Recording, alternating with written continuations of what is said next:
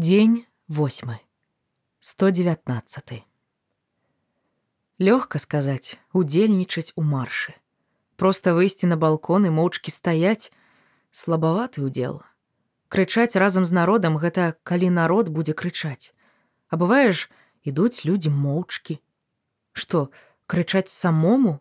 Да ён ад сораму праваліцца не тое што на другі паверх у падвал не сапраўдны ўдзельнік марша мусіць мець або сцяг або фаер або транспарант ці хаця б музыку сцяга патрэбных колераў палкоўнік кілім дома не трымаў на асцярожнае пытанне ўнука спачатку нешта няўцямнае буркнуў а тады патлумачыў.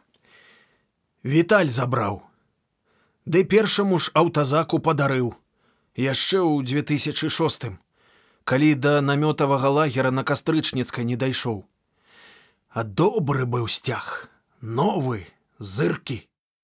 Толькі абнавілі паводле плана на будынку рауса праз тыдзень загад замяніць на сцяг новага ўзору. Я і забраў дамоў. Думаў, халера ясная, што неўзабаве зноў будзе загад замяніць, Дык каб не бегаць, не шукаць. Десять гадоў нікому не трэба быў той сцяг. А ў тую ноч, Віталь яго адшукаў і пайшоў да сяброў на плошчу. Спынілі яго. Прозвішча пабачылі, адпусцілі, а сцяг не аддалі. Так злаваў на мяне, маўляў, праз мяне не далі яму пасядзець у пачэсным таварыстве. Я тады сказаў, што яшчэ будзе ў яго шанец. Сядзе. Дык ён неяк супакоіўся і болей наражон не лез нават у 2010 калі селі літаральна ўсе былыя сябры. Не выходзіў. Відаць таму што малы быў. Дык во панесла нялёгкая. Давай не будзем пра гэта. У цябе сваё гледзішча у мяне сваё. У свеце на кожную праблему існуе два гледзішчы. Адно дзедава другое няслушнае. Уставіў тадэвуш Не маю жадання з табой разводзіць дыскусіі. Вырасцеш, паразумнееш. Махнуў рукой дзед. Дзед сышоў, як і абяцаў, за гадзіну да пачатку марша, якому яшчэ было ісці ды ісці да іхнага дома. Ян загадзя пераканаўся ў адсутнасці магнітафона і калонак. Меламанам дзед не быў. Фаераў гэтаксама не прыпас. Адзіным шансам быў плакат ці транспарант. Але і тут у распараджэнні Яна былі толькі асадка, аловак і некалькі стандартных аркушаў, якіх нават склеіць не было чым. Ян мітусіўся па хаце як тыгр па вальеры, ані маркераў, ані фарбы. Выглядала, што палкоўнік схаваў усё такое падалей, каб зноў не клеіць шпалераў. Што ж, зразумець яго нескладана. Да і яну ад гэтага разумення не лягчэй. Ён чарговы раз выбег на кухню і пабачыў бутэлечку з йодам. Зранку дзед галіўся і парэзаўся. Ян сам дастаў гэты йод і ватныя палачкі. Значыць, сякая такая фарба ў яго ёсць. Ян высунуў шуфлятку і выхапіў чысты, але не новы ільняны ручнік. Схапіў йод, але спыніўся. Што пісаць? Стоп таракан, сам ты крыса? Не, гэта ўсё не тое. Я выходжу, але ж ён яшчэ чатыры дні не можа выйсці. Якія дасціпныя плакаты пішуць людзі. Як рагатаў бацька, прачытаўшы Саша, мы мусім развітацца і рэч у табе, А ён так засяродзіўся на пошуках фарбы, што цяпер хоць з белым ручніком стой. Ян сеў, падсунуў аркуш паперы. Дед слушна параіў спачатку напісаць на паперы, каб не нарабіць памылак. Варыянт з белым ручніком лепей пакінуць на выпадак, калі нічога ў галаву не стукне. Але ў яго паўгадзіны, а ёд доўга сушыць не трэба. Што ж напісаць? Што хвалюе і засмучае яго цяпер больш за ўсё. Рука сціснула аловак. І буйнымі няроўнымі літарамі накрэмзала на паперы тры словы. І тры няпрошаныя кроплі ўпалі паверх іх.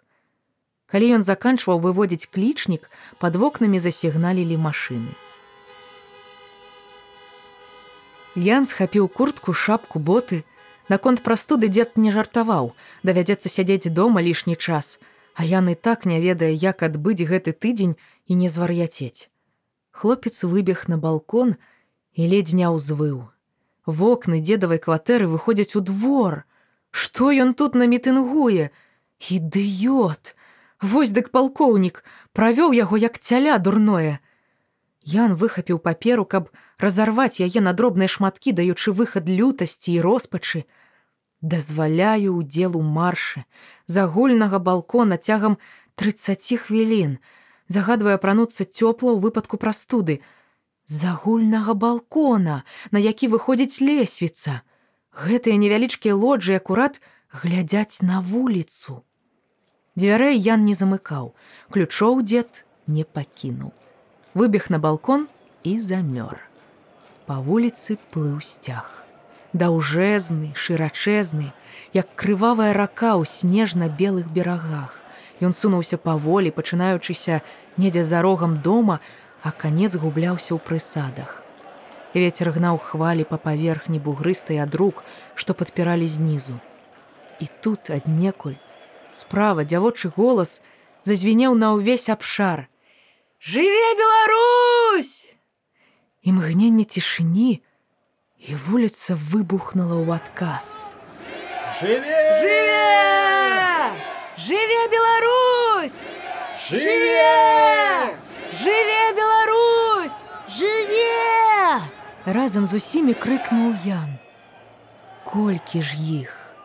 Ян углядаўся ў прысады, адкуль набягала людская плынь. Сцяга чэмпіёна пад ім ужо не было, але хіба горшыя сцягі, што адважна лунаюць на пяціметровых вудах ці трапечуць, павязаныя на плечы. Аднойчы маці сказала: « Калі ты адзін, але са сцягам вас двое. А бацька згадаў, як ягоны знаёмы, імя Ян забыўся, аднойчы стаяў на цэнтральнай плошчы, стаяў адзін, але маючы патронку са сцягам у кожнай руцэ. Ян пачуў нейкую важданіну ў версіі падняў галаву. З суседняга балкона з чацвёртага паверха выставілі яркі плакат. На цёмным фоне вялізны белы папугай у бела-чырвона-белым шаліку гаварыў: рускай мовай паўтараю ухадзі. Яну згадаў пра ручнік. Ён не ўзяў пальчатак, што ж давядзецца трываць. Хлопец расцягнуў транспарант, стаўшы ля самай пліты, абапершыся лакцямі на бетон. Нічога не адбылося. Людзі ўнізе то перамаўляліся, то хорам крычалі, ніхто не падымаў вачэй. Нічога. Галоўнае я тут, з усімі, і суседзі з папугаем мяне бачаць. А вунь дрон! Дрон вісеў у баку, потым развярнуўся і паляцеў над вуліцай. І насустрач яму натоўп загуў, уздымаючы руки са знакам Віктары у шэрае неба.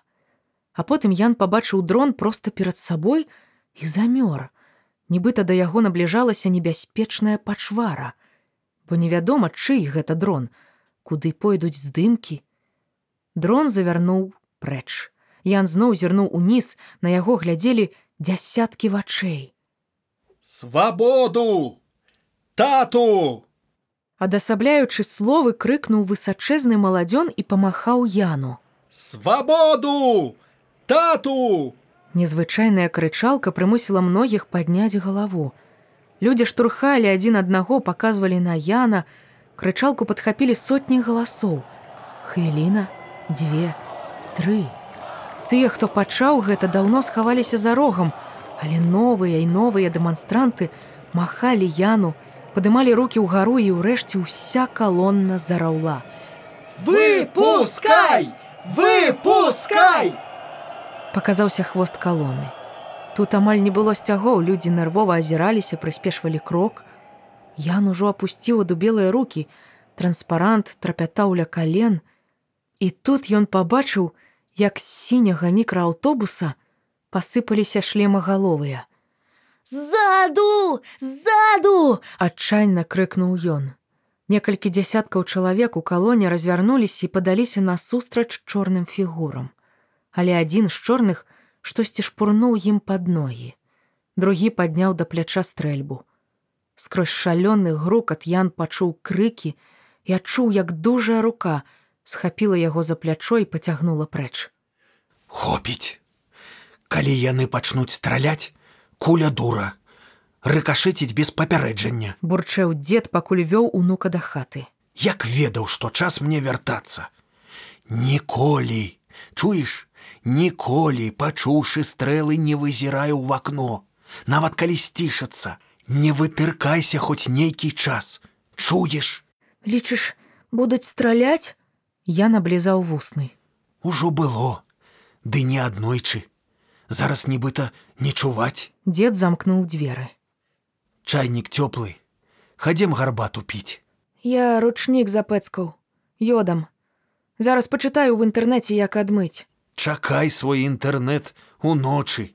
Дзед адабраў транспарант, разгарнуў. Свабоду майму тату. Нармальна зроблена. Пакладу ў шафу. Мо яшчэ прыдасца. Лепей бы не прыдалося, уздыхнуў Ян. А то ж. Ды хто яго ведае? Тадевуш, а дзед за нас. Проста ён сваіх памылак прызнаваць не любіць. А хто любіць прызнаваць памылкі? Правільна, ніхто. Засынаючы, прамовіў Ян.